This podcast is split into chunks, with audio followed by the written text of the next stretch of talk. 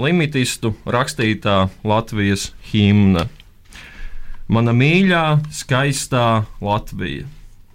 Es vēršos ar sirsnīgu vārdu pie taviem dēliem un tavām meitām.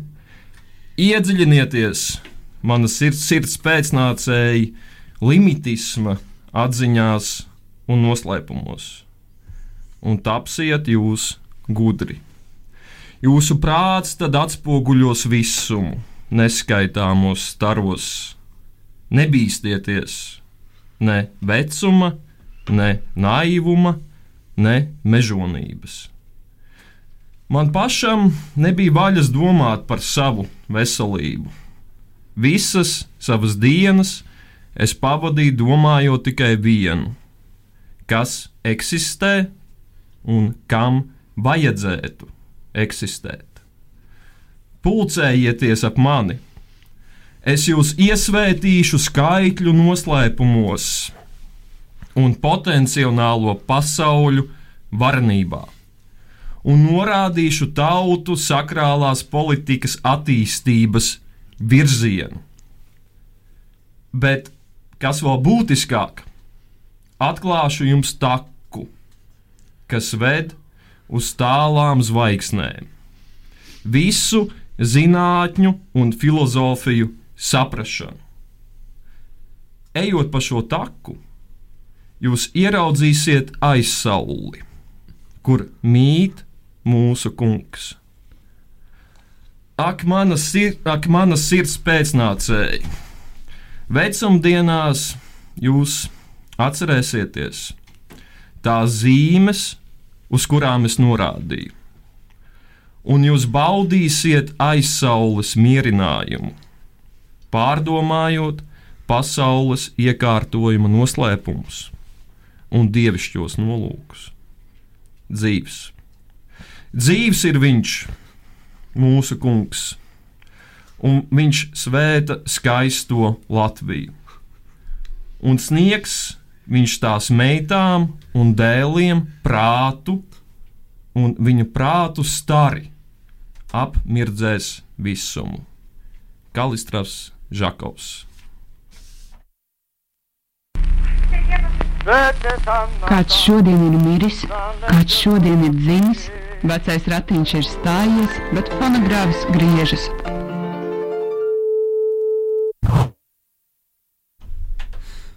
Labs vakars jūs mājās. Fonogrāfs atgriežas ēterā šajā trauksmanajā laikā, kad valstī ir izsludināts ārkārtas stāvoklis. Es ceru, ka jūs, darbie radioklausītāji, esat ērti iekārtojušies pie aparātiem, drošībā. Un mēs šodien jums pastāstīsim par notikumiem, kas risinājās nemazāk trauksmainajā arī laikā pēc Pirmā pasaules kara, kad patiesībā arī plosījās uh, epidēmija, spāņu gripa, un gāja bojā ļoti daudz cilvēku. Un šajā laikā Latvijā darbojās uh, viens uh, interesants, bet maz, zinām, maz zināms, maz novērtēts, maz dzirdēts uh, domātājs, limitists Kalistrāts Žakovs. Un uh, jūs tikko dzirdējāt uh, Kalistrāta Žakova sacerēto himnu Latvijai. Latvijas himnu, kā viņš to bija iecerējis. Nu, Protams, jā, vai ne? Te uzreiz var domāt par 20. gadsimta pirmo pusi Latvijas intelektuālajā telpā, kur tiešām darbojās daudz un dažādi piedāvājumi, kādā veidā nu, konstruēt latviešu tādu kā pasaules ainu vai pasaules uzskatu. Un te varētu minēt gan uh, brastiņu, un dievturus, un te varētu minēt īstenībā arī personālistus, kas mūs ir vairāk minēti mūsu iepriekšējos uh, raidījumos, dažādos uh, kontekstos. Arī akadēmiskās filozofijas vidē notiek diskusija par kaut kādu veidu latviešu pasaules uzskatu. Un tad ir, jā, un tad ir vēl viens šis piedāvājums, proti, piedāvājums, ko piedāvā no Komi uh, republikas nākušais filozofs Žakovs, un viņš piedāvā uh, veidot uh, limitisma uh, filozofiju. Es saprotu, ka šis uh, teksts ir uh, uzrakstīts Krievijas valodā. Orģinālā šī Jā, himna gan ir tas sarakstīta krieviski. Tas jā. ir Andra Hirša tulkojums. Tas, tas ir mans Nu, pārnesums. tas ir ā, absolūti izcils. Es teiktu, ka dzinieku pieskāriens šeit ir jūtams. Tur vēl šur tur, protams, būtu jāpiestrādā. Orģināls joprojām noteikti. Jā. skan Mēs labāk. varētu aicināt arī uh, Latvijas komponistus, varbūt kāds ir gatavs atcerēt kādu uh, melodiju arī šim, šim, šim gabalam. Jā, jo es nekur e, neredzēju notis šim, šim tekstam. Ir tikai teksts, bet cik tā ir himna, es pieļauju, varbūt tā ir iecerēta kā dziesma sākotnēji. Tā varētu būt dziesma šim laikam. Nu, lūk, tad šodien mēs uh, veltījām raidījumu Kalistrātam Žakovam. Mēs uh, staigājām pa viņa pēdām, lasījām viņa tekstus, uh, bijām vietā, kur viņš uh, kādu laiku bija apglabāts. Uh, tas ir uh, Pokrau kapos uh, Rīgā uz mēnesi ielas. Vairākas reizes apglabāts. Šeit ir arī diezgan daudz interesantu stāstu par uh, uh, Žako kunga mirstīgajām atliekām un to dažādiem piedzīvojumiem. Un arī smadzenēm, arī smadzenēm uh, līdzīgi kā Tehmillera smadzenes mums parādās arī Žako smadzenes. Uh, uh, un īstenībā nav zināms nemaz īsti, kur, kur viņas gal galā atrodas un kāpēc kāds viņas iekāroja. Atgādināšu, ka studijā ir Andris Iršs, Ainārs Kamoliņš un Andrejs Balodis.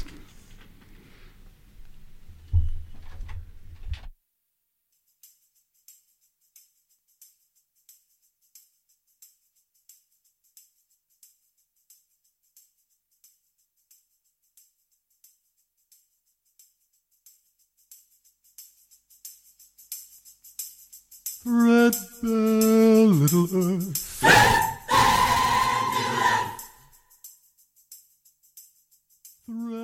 Little earth.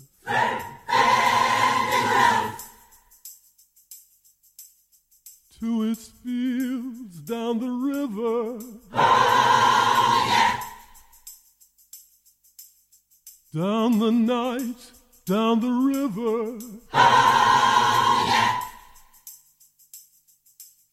Threadbare little earth. Threadbare little earth.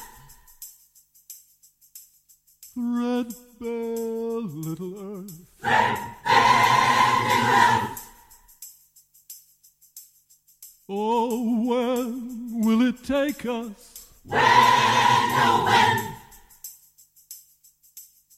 To its fields down the river. Victory's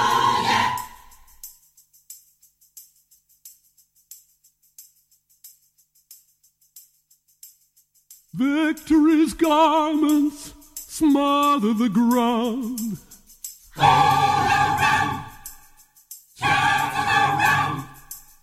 Charcoal sky will never come down.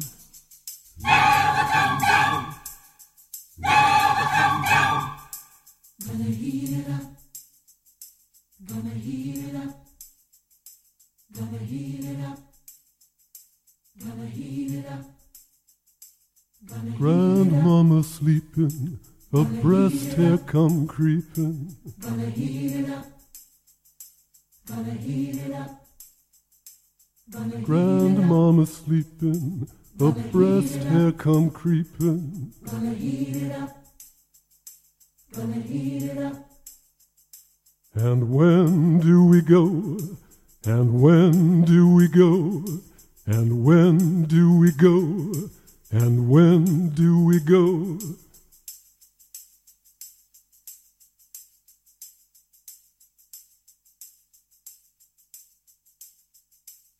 Threadbare little earth.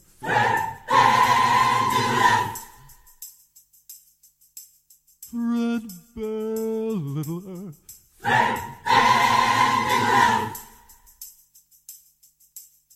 To its fields down the river. Oh, yeah. Down the night, down the river. Threadbare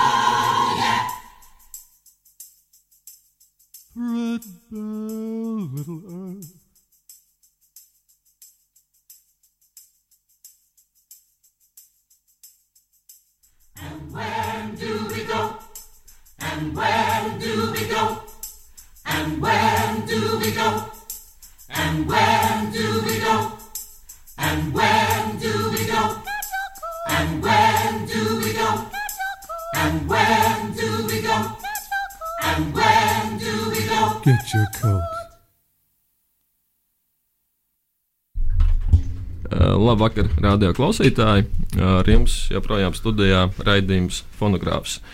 Un pat cik raidījums mums tomēr notiek tieši šajā ēterā, es varētu tātad nosaukt arī telefonu numuru studijā. Ja gadījumā raidījuma gaitā rodās jautājumi par Žakovu, droši vien vai komentāri, vai kaut kas, ko izstāstīt par pokrau kapiem, tad droši var zvanīt, dalīties savās pārdomās. Un, proti, telefona numurs studijā mums ir kā vienmēr 6, 7, 0, 3, 4, 4, 5, 5. Un tātad, kā jau kolēģis Andrēs minēja, mums bija neliela ekspedīcija pastaiga pa Bokrovu kapiem. Varbūt kolēģi var dalīties iespaidos vai pārdomās par. Manuprāt, Bokrovu kapi ir ļoti tā, skaista vieta. Šajā, šajā, šajā pavasara, agrā pavasara laikā. Es domāju, ka viņi ir mazāk novērtēti, tāpēc, ka blakus ir lielie kapi. Jā, kur viss parasti iet, izklaidēties, jā, jā. bet uh, Pokrovu kapi īstenībā ir nemazāk. Nemazāk iespaidīga vieta, un tur arī varētu iet negluži izklaidēties. Bet, bet ar vienu mīnusu tur ir, ap, tur ir vārti, un viņi kā slēdz ciet. Nu, tas ir dotajā brīdī, laikam, tur notiek kaut kādi renovācijas, restaurācijas darbi, jā, bet tur ir kaut kāds žoks apkārt. Ja ir vēlme, teiksim, reflektēt par dzīvi un nāvi, es domāju, var doties arī tur pastaigāties. Kas man pārsteidza, vienā pokropu kapu stūrī bija kā, veikti kaut kādi nezinu, būvdarbi vai koku zāģēšana, un tur dažas kapu kopiņas bija nedaudz izdemolētas, bet es ceru, ka viņas savadīs kārtībā. Bet mūsu interesējošie varoņi gulēja netraucēti. Vēl viena tāda maza maz piezīme, ka šī kārtas nokļūst pokropu kapos. Esiet uzmanīgi pie pēdējā templieša kapa. Es gandrīz iegāzos lielā caurumā tur Jā, tur jā. ir jāpārvietojās piesardzīgi. Jā. Jā. Un uh, Aināra, kā es pārbiedēju, kaķis vai, vai tas nebūtu varbūt korekti. Kaķis vienkārši izlicis no kapā. No, no, no pazemes kaut kādas pēkšņi. Jā. Nu, tur ir jābūt piesardzīgiem. Bet tas pēdējā templieša uh, bruņinieks, jā, vai kas tur nu, bija? Tā, tā leģenda, kur tur mēs arī meklējām mazliet viņu, vai ne? Mums bija tāda informācija, un mēs arī atradām uzreiz. Nu, ir, jā, ir, ir tā leģenda, ka tur esot uh, apglabāts pēdējais zin, zināmais templieša ordeņa uh, dalībnieks, un kurš ir arī bijis Napoleona Bonaparte pēdējais ārsts. Un šo vietu mēs atradām. Vismaz nu, nu ne, ne to vietu, iespējams, bet to kapakmeni, jā, kas kā, tiek uz to attiecināts. Man liekas, ka cilvēki arī tur var aiziet apmeklēt Viju Artmani un Eženu Pinku. Jā. jā. Un arī Hartnuku. Hartnoks ir, eh, man liekas, ārpus. Uh, Jā, Hartnoks ir, uh, ir lielajos kapos. Jā. Nu, te varbūt jāatgādina, vai ne? Mēs raidījumā par kantu mums bija pagarāka saruna par Hartnoku, tomēr kantu darbu. Mēs vēl atgriezīsimies, jo tā mistērija par to, kur tas lasis pazuda, kas tika sūtīts no Latvijas kantam. Kuru tas vēl nav atrisināts, jā, bet uh, tagad mēs vācam finanses, lai brauktu uz Kaļiņgradu un atrastu precīzi vietu. Es pieļauju, ka arī raidījumā par filozofu alai mēs varēsim pievērsties šim, šim jautājumam. Šis nav a priori jautājums. Šis ir jautājums, kas ir jāatrisina ekspedīcijā un jāatrod. nu jā, bet mūsu mērķis bija atrast uh, vietu, kur kādreiz gulēja Kalistrāts Žakovs. Un, uh, mēs Pagad, zin... atgādināsim, kāpēc kādreiz. Nu, to mēs pastāstīsim raidījuma laikā, bet uh, šo informāciju par Kalistrātu Žakovu mēs uh, ieguvām pateicoties uh, LU Filozofijas socioloģijas institūta, institūta pētniecei Svetlanai Kovaļčukai, kur ir diezgan daudz darījusi arī Žakovijas pētē. Un, šeit būtu jāmin vien divi, vai ne? Ir uh, Oskars uh, Brambergs un Kovaļčuka, kuri ir rakstījuši par Žakovu tematiku. Latvijā. Jā, un uh, Kovaļčuks uh, kundze arī bija ielikusi bildi ar uh, Žakovas sievas kapu, pēc kuras norādēm uh, mēs arī ļoti veiksmīgi atradām to vietu, jo tas nebija tik vienkārši. Sākumā likās bezcerīgi. Attēlot šī tartu tērbats kapu pieredze, kur mēs meklējām Teikmīlu pieminiektu, bet mēs beigās ļoti veiksmīgi atradām. Jo kapa, protams, ir mm, samērā liela tomēr, un uh, tāda populārākā kapa vieta. Ja tā varētu teikt, ir Ežēns Finks, un es arī lasīju, ka cilvēkiem ir samērā grūti atrast arī, arī šo Finka kapu vietu. Nu, mums tas izdevās samērā ātri īstenībā, bet uh, Es pieļauju, ja tu nezini, kur pusi iet, vai ne, tu vari diezgan ilgi maldīties, meklējot. Jo tas piemineklis arī Finkam ir, ir diezgan. Nu, kāds būtu apzīmējums. No koka. Nu, no koka. Nē, nu, krusts no koka, jā, jo pārsvarā tur ir pareizi cīko krusti, bet uh, finkam nē. Bet uh, varbūt piedāvājam radio klausītājiem noklausīties uh, nelielu ierakstu no, no vietas reportāža dzīvē. Labvakar! Labvakar, dārgie radioklausītāji! Šodien ir 8. marts, un mēs atrodamies Pokravu kapos pie Alīdas Priedes Žākovas kapa. Un mēs šodien esam šeit sapulcējušies. Svinēt ne tikai 8. martu, kurā mēs parasti apsveicam dzīvās sievietes, bet arī lai pieminētu mirušās. Bet par spīti visam mūsu galvenais varonis šodien ir uh, vīrietis Kalistrāts Žakovs, kurā bijušo kapa vietu mēs šeit meklējam. Vai mēs varam īsos trīs vārdos pateikt, kas ir Kalistrāts Žakovs? Es gribēju no sākuma vēl vienu ievadu, varbūt pāris vārdus. Mēs gājām vai ne uz šejienes pa mēnesi ielu. Un Pokrau kapos ir apglabāti daudz nozīmīgi pazīstami personāļi. Viens no viņiem ir eh, Sergejs Nirnbergs, kurš bija Rīgas Krievijas teātris, viens no pamatlicējiem un žurnālists. Eh, bet tas stāsta par to, ka viņa, viņa viena no meitām, Jeļena, eh, bija Bulgākova, rakstnieka Bulgākova sieva. Un tas stāsta par to, ka viņas tēvs ir apglabāts šeit, Uh, viņa kāpa gan šeit nemanīja, nu, ka kāpa ir liela, te grūti atrast. Un viņi pa laikam nāca apmeklēt šo, šo tēvu kapu vietu. Un tad ir versija par to, ka Bulgākova, nu, šis slavenākais romāns meistars un Margarita, ka Jeļena daļai prototyps uh, Margaritas tēlam. Un šeit un, mēs arī redzējām kaķi, kas arī ir prototyps. Starp citu, jā. Uh, prototyps Bulgākam, kaķim, begemotam. Jā, jā. Iespējams. Tas mazliet citā krāsā, bet. Uh... Tikpat nešpatns. Viņš bija tik ātrs, ka es pat, es pat nepamanīju, kādā krāsā viņš, Brūngans, viņš, viņš bija. Jā. Ja, viņam nebija pusē, pusē kažoka, viņam nebija, bet tas varētu būt diezgan atbilstoši Bulgākam kaķim. Un tā kā ņemot vērā, ka daļēji tā, ja Ļēna varētu. Būt... Tas uh, Bulgākam kaķis ir vērts piezīmēt, viņš. Uh, izlaica no vienkārši bedres. No kā, pazemes. Jā, no pazemes. No kaut kāda no, kapa. No, Ellis, iespējams. iespējams, no Ellis, jā. jā. Nu, tā varētu būt vēl viena. Savukārt, kapa. Starp citu, tieši blakus pēdējā zināmā templiešu kapa uh, vietai vai vismaz tam piemineklim. Uh, bet, jā, tā tad, eh, un pat cik tā Margarita, nu, kas parādās meistarā, un Margaritā varētu būt daļai prototyps, tai Jeļenai, eh, Bulgākovai. Un tur arī tajā romānā parādās epizode, kur Margarita iet apme, apmeklēt uh, radinieku apus un iet pa mēnesi ielu. Un ir tāda versija, ka šajā romānā tā ir atsauce tieši uz šo mēnesi ielu, kas iet gar pokrau kapiem.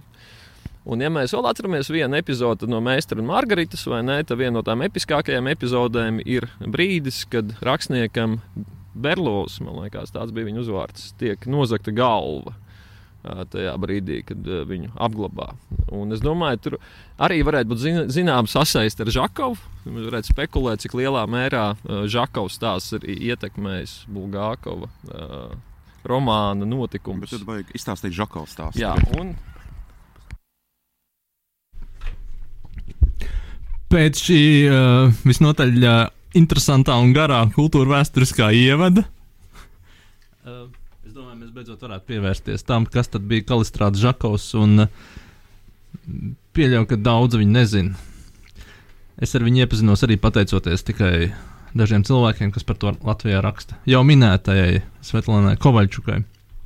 Uh, un tāpēc iespējams varētu parunāt, kas viņš bija par viņu dzīvi. Pirms mēs runājam par viņu nāvi. Jā, nu, tad, tad, uh, viens no tādiem problemātiskajiem aspektiem, ja mēģinām kaut kādā tā, tā nu, īsi ieskicēt, teiksim, Žako biogrāfiju, ir tas, ka mēs redzam, ka tomēr viņš ir diezgan. Uh, nu, mētājies vai pievērsies ļoti daudzām dažādām nozarēm un meklējis iespējas izpausties uh, daudz un dažādos profesionālajos laukos. Uh, tad piedzimis viņš ir šajā komi. Uh, republikā, kas jau iepriekš ir, ir ticis minēts, kā 11. bērns. Tātad diezgan lielā ģimenē no sākuma. Jā, Ainārs. Nē, es vienkārši domāju, kurā gadā viņš piedzima. 1866. gads.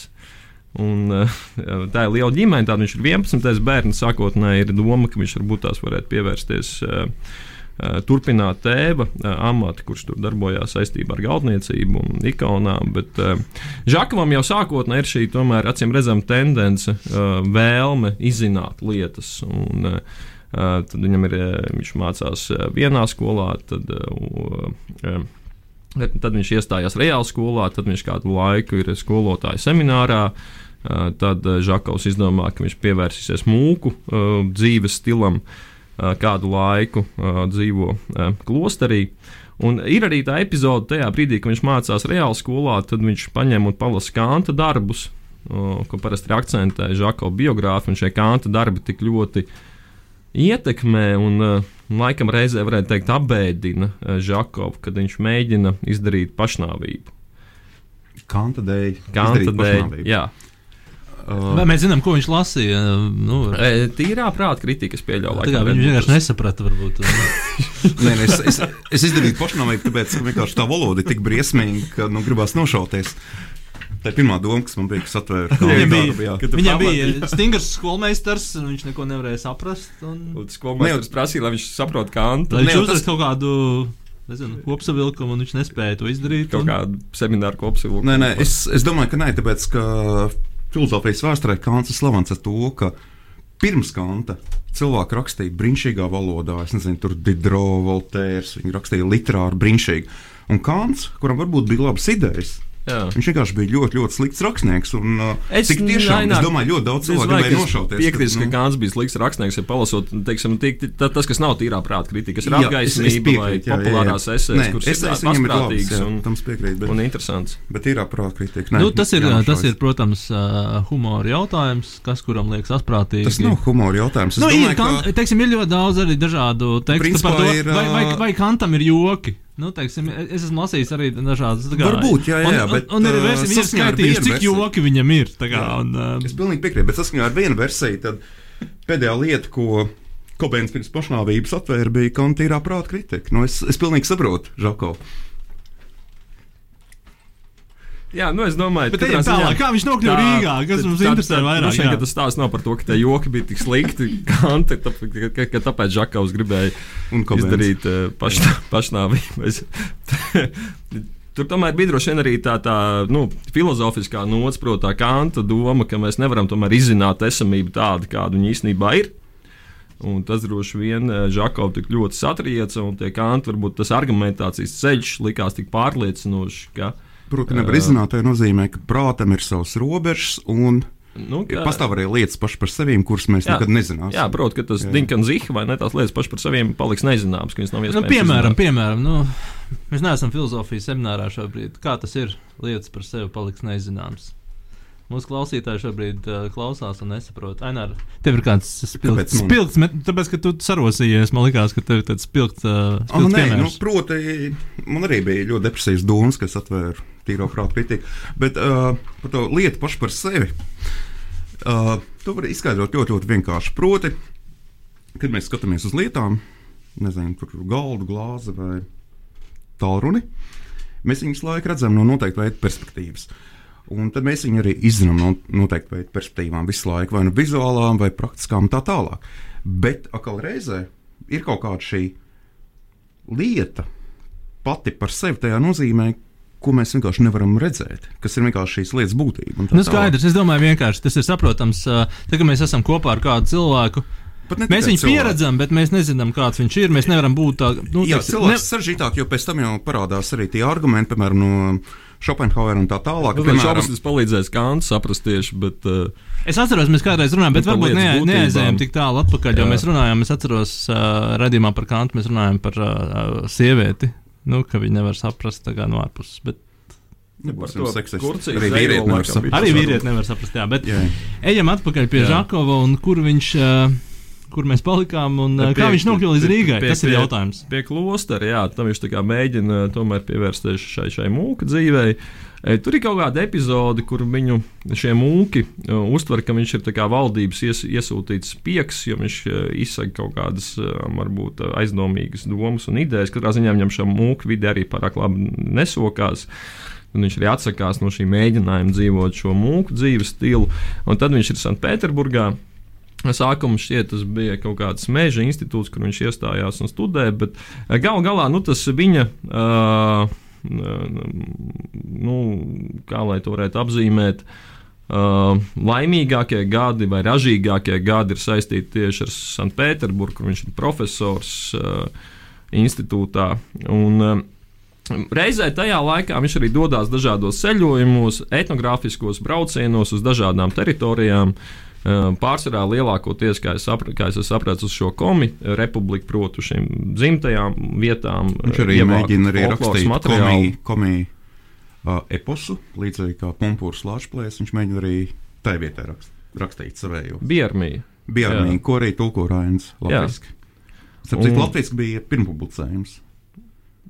Biermijai. Jā. Cik es zinu. Jā. jā. Un tur arī tā, tā viena epizode, kas jau iezīmē varbūt to Žakavu saikni ar, ar Latviju.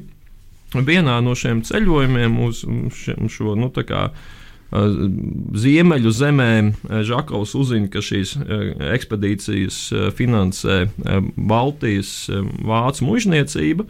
Un ka viens no tādiem blakus uzdevumiem, vai nu, tāds apslēptais kaut kādā nozīmē uzdevums, ir izpētīt šīs ziemeļu teritorijas, uz kurām varētu aizsūtīt dumpīgos latviešus. Un citos avotos tiek minēts, ka kā esot bijis arī plāns uz Komi republiku aizsūtīt dumpīgos latviešus. Un uh, Žakovs eh, nav pārāk sajūsmā par šo ideju. Viņš eh, izgāž kaut kādā ziņā šo um, ekspedīciju. Jo viņš tad, kad dumpīgos latviešus tur sūtīt no šo ziemeļgalā. Aha. Viņam šī ideja nepārāk patika. Un e, tad, e, tad arī nu, tā saikne ar Latviju viņam tur iezīmējās līdz ar to daudz dažādās perspektīvās. Viena no, no, viena no šīm saiknēm, protams, ir saistīta ar uh, Alīdu Priedi. Un mēs arī bijām pie viņas kapa, vai ne? Tur arī es, pat, es neesmu, man nav skaidrs, kāpēc šis uzvārds viņai ir šo garo tik tiešām nu, šajā kapakmenī kā Žākova. Alīda Prieda tā tad iepazīstās ar, ar Žākovu, Sanktpēterburgā, Žākovu. Uh, Un uh, viņam tajā laikā jau ir zināmas veselības grūtības, un viens no tiem uzstādījumiem ir kā, braukt uz šīm Baltijas valstīm, lai arī nu, Žakovs varētu Atpūsties uzlabot savu malā. Ja, jā, uzlabot ķemerus, igrandēt sev dūņās un limitēt sevi dūņās. limitēt sevi dūņās. Nu, tās, tāds, uh, tā laika Krievijas impērijas doma. Jā, Bet kāpēc viņš kaut kādā gribēja satikt? Tāpēc viņš jau bija jau zināmā veidā zvaigznīte. Viņa bija kas... izlasījusi viņa kaut kādus darbus, un viņai tik ļoti bija ieinteresējis šo, šo, šo darbu autors, ka viņa devās uz Sanktpēterburgu, lai iestātos un tur studētu un iepazītos līdz ar to arī ar uh, Žakovu. Uh, Žākovu. Žākovu. Un tad viņš nonāk uh, Valkā, un tas ir jau 1917. gads. Uh, nu, viņš arī pēc tam ir valkā, bet vienā no, no tiem brīžiem tas ir šis uh, revolūcijas gads, kad viņš tur atrodas, un respektīvi tas ceļš atpakaļ patiesībā uz šo institūtu vai uz Komi republiku pa lielam žakavam ir noslēgts. Nu, viņš tur īsti vairs nevar aizbraukt. Nu, uh, atgādināsim mūsu klausītājiem, ka uh, Ernsts Karpovits tajā laikā ir kaut kur Valmjerā. Komisārs. Jā, tā kā iespējams, ka Karpovits, Karpovits. Karpovits iespējams noslēdz uh, Žākova karjeru. Uh, bet es pieļauju, ka vienkārši pēc muzikālas pauzes mēs varētu pievērsties Žākova un marksismu attiecībām. Marksismu attiecībām, jā. jā, jā, un tā tālāk. Okay.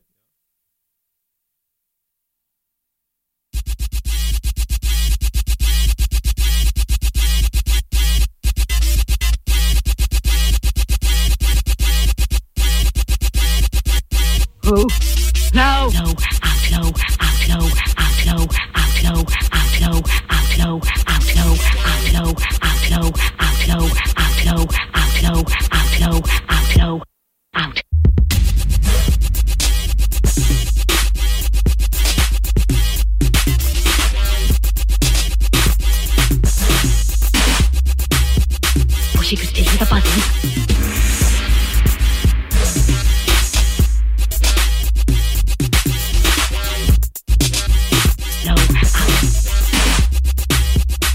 She was not suffering.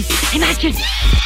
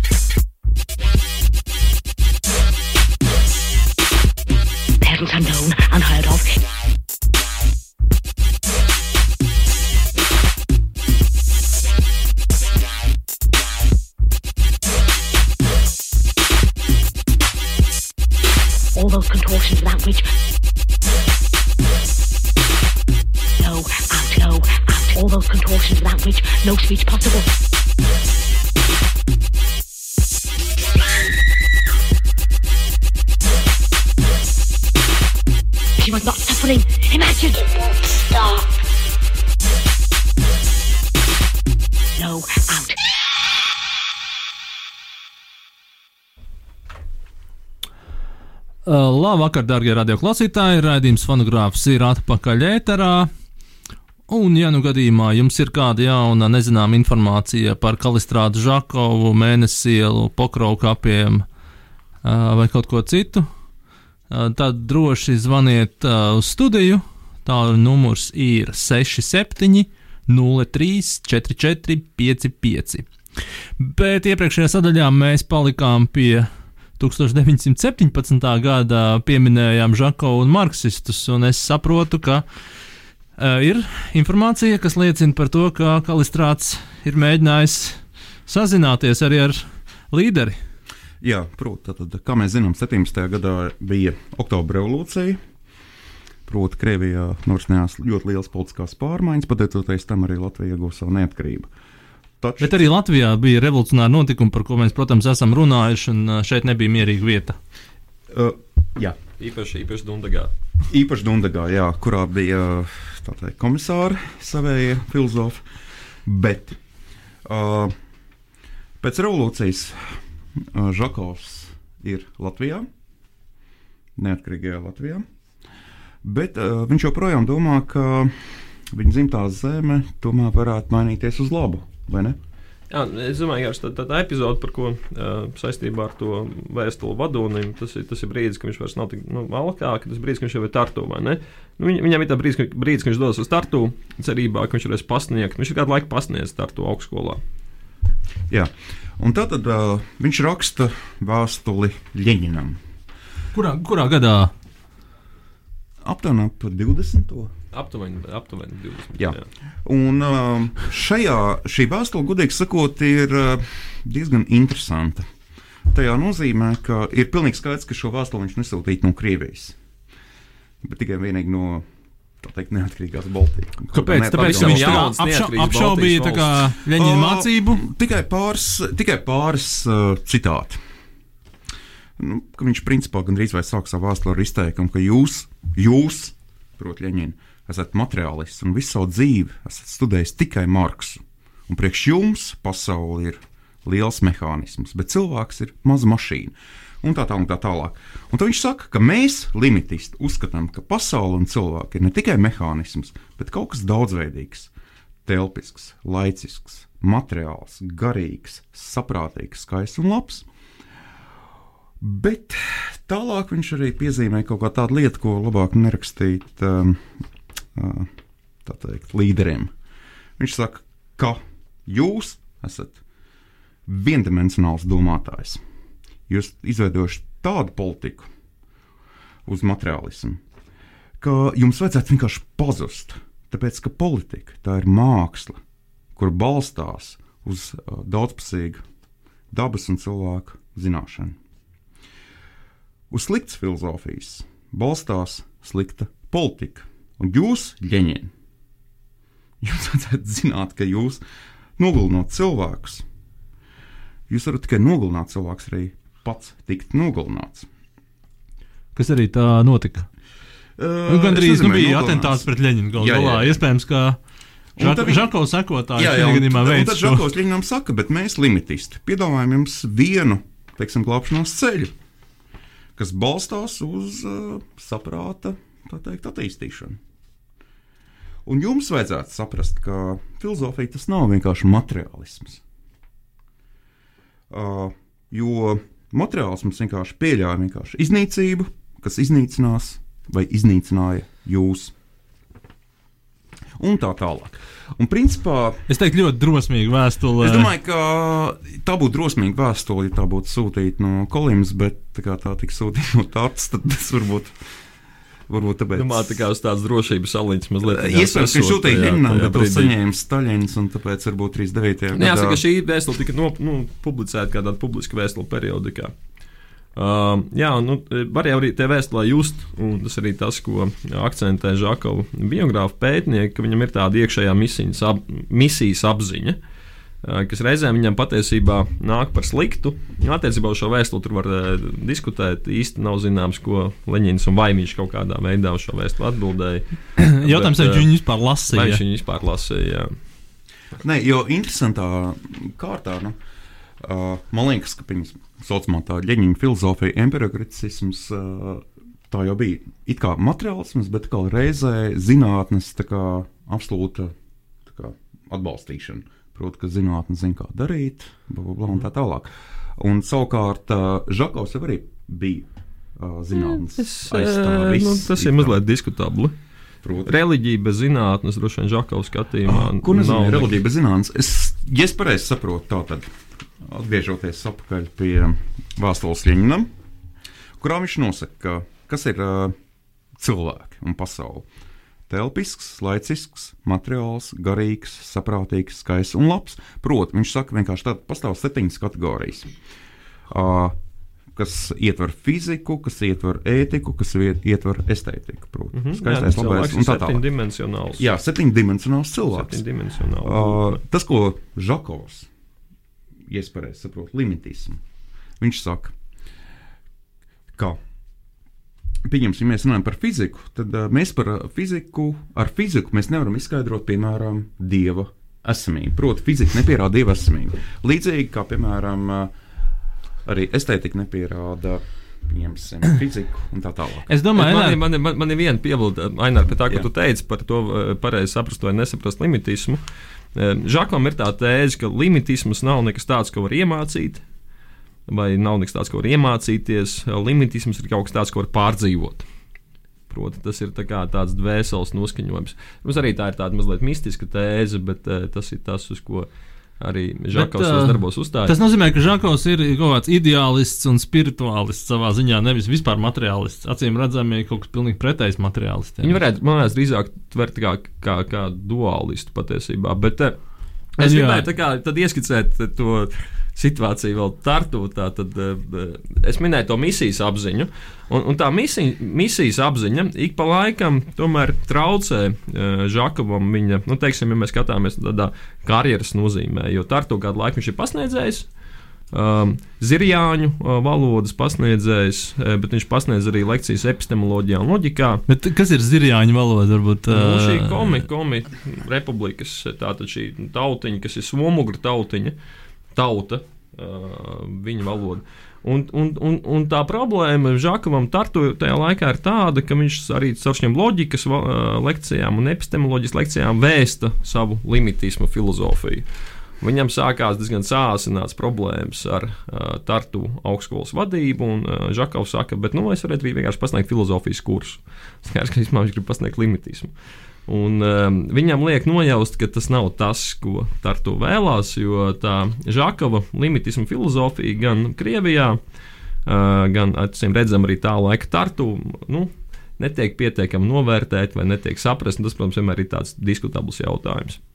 Uh, arī, piemēram, mūsu iepriekšējos raidījumos minētais filozofs Loskis uh, nosauca Žakovu kā tādu nu, dīvaini.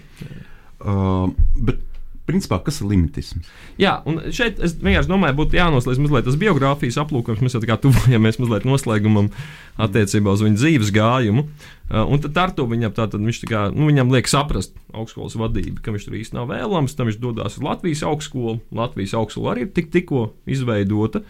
Un, uh, tur viņš arī piesakās, vai nu, vēlās kļūt par profesoru filozofijas, nolasa savu nu, pieteikumu lekcijas. Es droši kā to pareizi nosaukt. Uh, un pēc šīs pieteikuma lekcijas tomēr Žakovam šo vietu atsaka.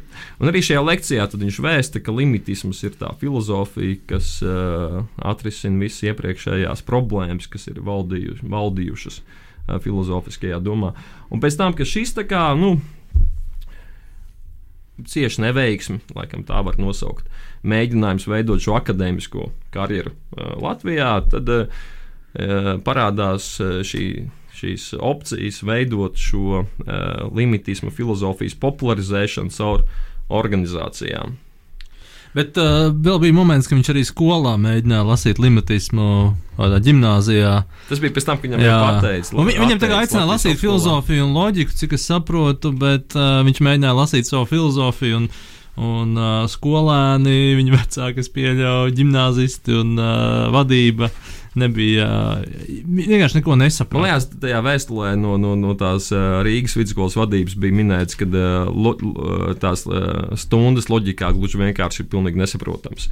Es pieļauju, ka tās stundas loģikā bija arī pasniegts cauri.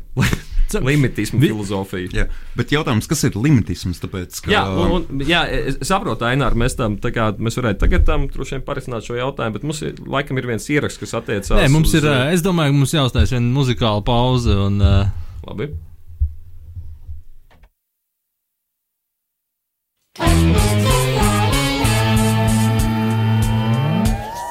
Let the song man spin it, it began at the beginning. Was a sweet green planet. Nothing on it, nothing to it, nothing in it, nothing to do it with the planet as we know it. It's a planet coming to you, but you don't know if it's there. Maybe it's here, maybe there. Check it underneath the Milky Way, right beside the southern crust. I don't think so. You just can't see it, but it ain't going away. You're coming down from a planet so far, so near. That's where it all began. That music you hear. It happened to remind me of a long lost story about a visit from the stars from some old barbarians. Professor Paradox and the Arctic Duck. Those time doctors on space guitars. Those wise avatars from a distant star. They have watched us.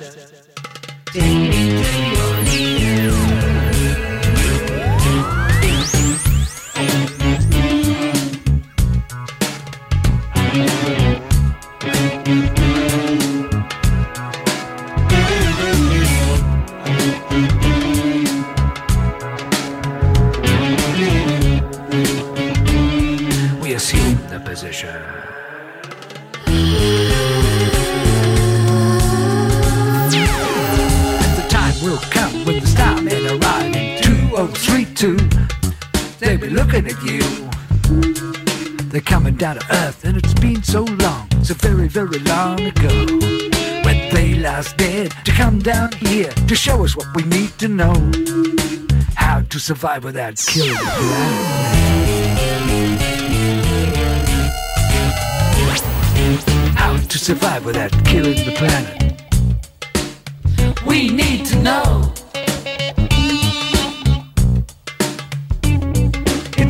Coming to you, but you don't know if it's there. Maybe it's here, maybe there. Check it underneath the Milky Way, right beside the Southern Cross. I don't think so. You just can't see it, but it ain't going away. Tātad, ā, kas bija limitisms? Nu, Žakava skatījumā tātad mums iepriekš ir bijuši dažādi filozofiskie virzieni, piemēram, materiālisms, ideālisms, tur, nezinu, realisms, un tad ir limitisms. Tas ir tikpat līdzvērtīgs, piemēram, tikpat līdzvērtīga filozofiska sistēma, kā, nezinu, piemēram, ideālisma filozofijas sistēma. Nu, Bet, ja mēģinām tā kā nu, ļoti īsos vārdos, limitisms jau kādā ziņā jēdzieniski jau mazliet paskaidro, tā tad robeža un tā doma, ka Un tur ir tā tēze, īstenībā diezgan saudabīga Žakavam. Viņam liekas, ka visa rietuma Eiropas uh, filozofija līdz šim ir runājusi tikai par esamību, to, kas ir.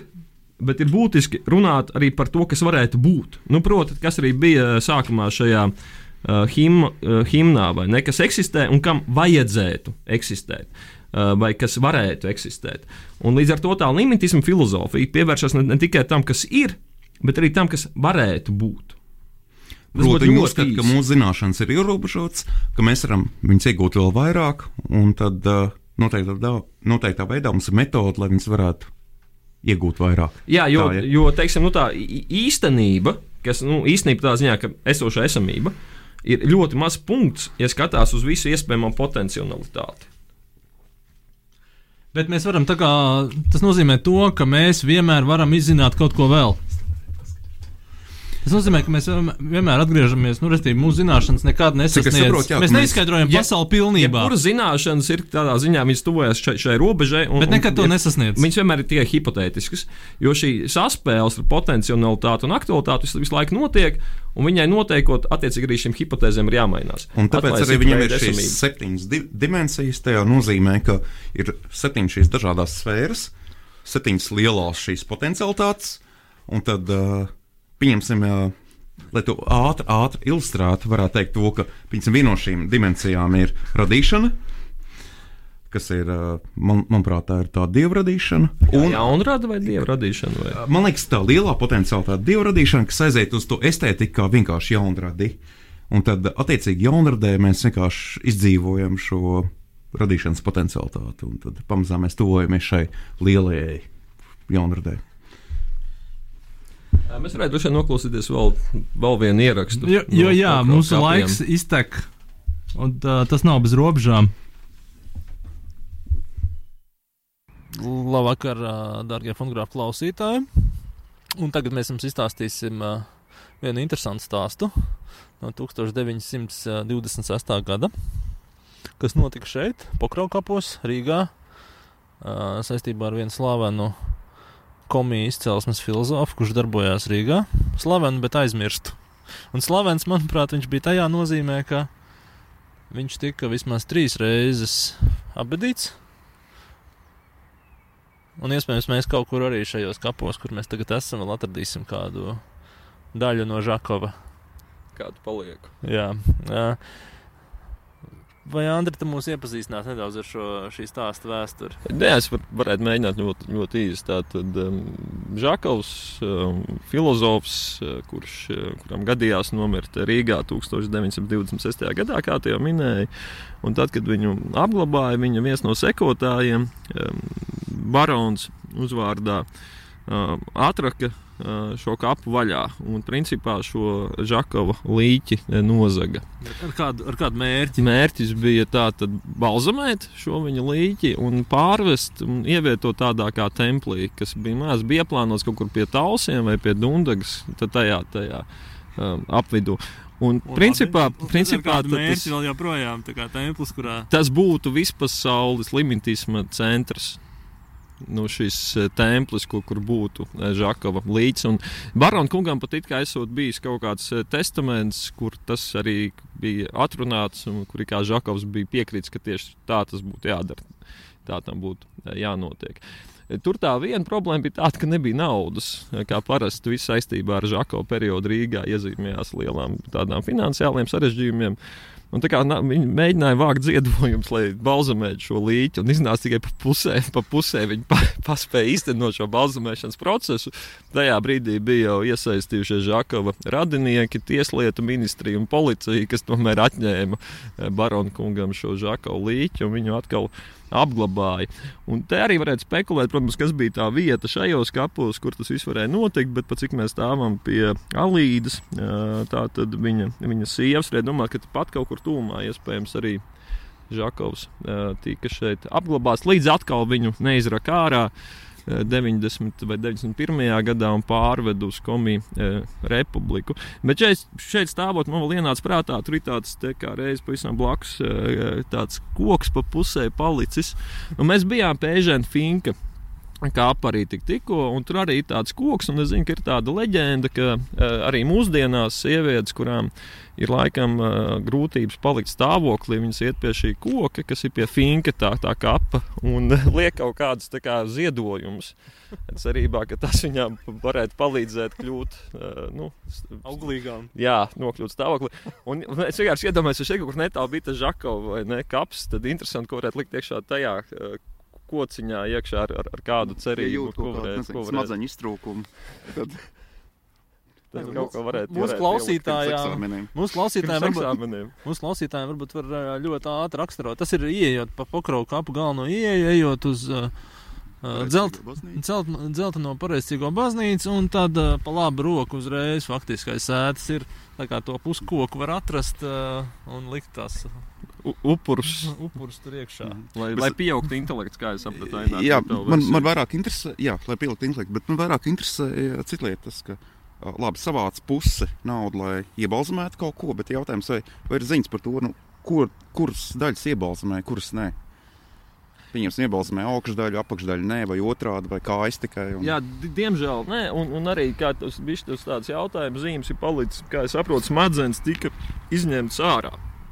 Jautājums, kas ar šīm notika, ar šīm smadzenēm, vai viņas tika arī tajā, tajā kapā nu, pārabedītas, vai netika, vai viņas kaut kur citur nokļuva, pazuda anatomijas muzejā, vai, vai kas ar viņām Jā, notika? par to es gribēju jautāt, jo ir šī leģenda par uh, Žakovas smadzenēm, Jā. kuras ir uh, pazudušas uh, tajā brīdī, kad Ernests Barons uh, šo līķi savāca. Uh, vai, vai tu nezini, kā tā leģenda atrisinājās? Es, es meklēju, bet, diemžēl, nekādu tādu drošticam avotu, kur būtu stāsts, kas ar šīm smadzenēm notiek. Man, diemžēl, negadījās atrast. Tas ir droši vien palicis uz jautājumu zīmes. Labvakar, darbie radioklausītāji. Mūsu, mūsu laiks, diemžēl, iztek. Ja nu gadījumā jums ir uh, ziņas, kas ir noticis ar Žakovas smadzenēm, jūs, protams, mūs varat informēt uh, caur uh, sociālajiem tīkliem. Man ir daži piebildes pie tā stāsta ļoti īsi. Proti, jo tur bija dažādas versijas. Nu, Ernsts Barons par to mēs laikam tā baigi nestāstīsim, tas, kas dibināja Es šo pieņemu, ka mums vajadzētu raidījumu par Ernestu Baronu kādreiz uztaisīt. pēc personas, kas būtu pelnījis. Un nu, tur bija versijas, nu viņš tiešām nozūg šo žako līķi, lai viņu apglabātu tādā kā zikurātā. Un nu, ļaunas mēlis tā laika periodikā savukārt saka, ka viņš nozaga žakovas smadzenes, lai viņas varētu pārdot. Un, Nopelnīt eh, līdz ar to.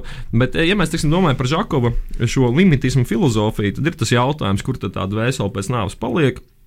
Un, kā jau minēju, viņa ir tā saspēle starp uh, potenci un īstenību, potenciālitāti un īstenību. Un no kurienes šī dvēsele ir nākusi? Viņa nākusi no šīs potenciālās esamības un kļuvusi īstena, kas notiek pēc nāves. Šī attiecīga dvēsele atkal, nonāk šajā potenciālitātē. Un šajā gadījumā man liekas, ka Žakovs ir mazliet tāds plotīna kaut kādā nozīmē filozofijas sekotājs. Jo tur ir tas jautājums, uh, vai tās dvēseles pārdzimst. Un uh, pa lielam Žakovs saka, ka jā, viņš ir ietekmējies no austrumu filozofijas. Viņš saka, ka īstenā filozofija ir tur, kur saule uzlec, nevis tur, kur noriet, un viņa uzlec Indijā. Uh, līdz ar Bet to Tur, kur auseklis ir. Bet... Tur, kur ir auseklis, nevis tur, kur ir uh, Rieteklis, jā. jā. Un, uh, tur ir arī kaut kāda veida mēģinājumi Žakau darbos argumentēt par labu šai tēzē. Uh, piemēram, uh, tās dvēseles, un tas ir tāds plotīniskais motīvs, kas ir eh, sasnieguši, arī, nu, arī platoniskais, jā, eh, sasnieguši pietiekami augstu attīstības līmeni, viņas vairs nepārdzimst. Viņas apvienojās ar plotīnas teikt vienu Proti, viņi iziet no sansāras. iziet no sansāras rata. Jā. Un e, Žakovs norāda, tas ir viens no iemesliem, kāpēc vienmēr pasaulē ir e, noteikts procents tikai šo saprātīgo un gudro cilvēku. Jo saprātīgie un gudrie, tie, kas sasniedz augstāko līmeni, viņiem vairs uz zemes neatgriežas. Viņi tā kā pārceļās citā kā pēc līmenī. definīcijas nozīmē, ka viņa aizvien samazinās. Ja, tā sanāk, jā. Tā sanāk, jā, jā, jā. Un tā principā tā ir arī atbilde, kāpēc uh, mēs tuvojamies ideokrātijai. Jā, un tā tad eh, man īstenībā nu, tā tēze, kas nu, jā, diezgan asprātīgi pie Žakova, ka nāve tas ir kosmiskais sapnis. Un eh, tad, kad mēs sapņojam, eh, nu, šajā dzīvē, tad tas sapnis jau liecina kaut kādā ziņā, tas parāda to saspēli starp īstenību un potenciālitāti. Eh, Proti, nevelti Žakovs saka, ka, piemēram, eh, hipnoze vai okultisms atrodas jau šīs robežas. Proti, kaut kas, ko mēs kā zinām, bet līdz galam nezinām. Tur ir tā saspēle, tāpēc tas limitisms tur, tur, tur parādās šī zināšana robeža. Un līdz ar to pēc nāves eh, Žakovs skatījumā tas, kas ar cilvēku notiek, viņš nokļūst šajā nu, tādā kā sapnī. Līdzīgā kādu mēs pieredzam, eh, esot dzīvi, uh, tikai šajā sapnī. Bet, uh, vai viņam bija doma, ka mūsu dzīve Jā. ir viņa sapnis? Nu, ko viņš sapņo? Nē, tā, tāda, tas Tagad. izklausās pēc Berklī. Oh, Nē, jā, jā, jā. pie, pie, pie, pie, pie, nu, okay, tas būtu brutāls Berklī Bet, lasījums. labi, bet uh, varbūt varētu nosīt uh, vienu, vienu mazu atsauksmi. Es domāju, Proti, ka jā, mēs, tāpēc, mēs noslēdzam Aināru ar vienu mazu atsauksmi. Ar vienu mazu atsauksmi. Līdzīgi kā bija Kalistrāta Žako dzīve, bija viena maza dzīve, un tagad mums ir viena maza tā atsauksme nav par viena maza dzīve, tā bija liela dzīve. mums maz dzīves. Bet uh, Kalstrāls Žakovs mēģināja izdot žurnālu Lāčplēs slimtists. Precizējumi pēc tas bija Ernsts Barons. Jā, jā, jā. šo žurnālu. Bet uh, šajā žurnālā arī publicējās uh, Rains, Aspazīja un tā tālāk. Un uh, ir ļoti interesanti, man uh, bija lasīt atsauksmi par šo žurnālu. Es tikai nolasīšu vienu. Proti, uh, domās 1927. gadā tika uh, rakstīta recenzija, kas sākās. Tas ir savāds žurnāls. Un noslēdzās Izdevums vispār atstāja tādu iespaidu, ka to vada cilvēki ar neskaidrām galvām. Līdzīgi kā mēs, bet uh, es domāju, ka mūsu galvas kļūst skaidrākas, arī jūsu galvas kļūst skaidrākas. Un uh, šodien limitisms mums uzspieda savu zīmogu, mums nebija iespēja pastāstīt visu, ko mēs gribējām. Līdz ar to Mēs aicinām jūs, darbie radioklausītāji, izskatīties mūsu sociālajos tīklos. Mēs publicēsim vienu mazu ierakstu vēsturisko fantāziju par to, kā kāds sakars Žakovam ar žiguļiem. Uh, bet uh, tas, tas, uh, tas ārpus. Uh, es nezinu, mēs droši vien ar to atvadamies. Uh, vai, vai jūs gribat kaut ko vēl teikt Žako piemiņai? Vai vajadzētu viņu novērtēt vairāk? Es domāju, tā ir daļa no mūsu vēstures. Sāksim ar to.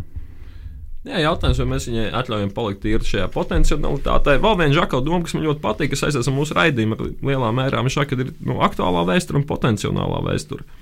Viņš saka, ka vajag pētīt kaut kādus ļoti perifēros vēstures aspektus, kas mums atklāja šo potenciālo apslēpto vēsturi. Kā viņš to viņš arī to nosauc par apslēpto vēsturi. Jā, man kā vairāk, man vairāk iepatikās tas, ka gudri cilvēki tā teikt paliek tur vienkārši stulbēji paliek šeit, un tad vienkārši aizvien stulbāk cilvēki interpretē vēsturi tagad. Radio monētoloģija 37. paragrāfs. Tā kā ik viena šī sastāvdaļa ietver tikai citus nejaušos, kā agrākas vai vēl sīkākas sastāvdaļas, un ikvienai, lai to izprastu, ir vajadzīga līdzīga analīze, un šādi nevar virzīties uz priekšu, ir vajadzīgs, lai pietiekamais pamats, jeb gala mērķis, atrastos ārpus šo nejaušo detaļu secības, jeb sērijas, lai arī cik bezgalīgi tā būtu. Te nu mēs arī paliekam.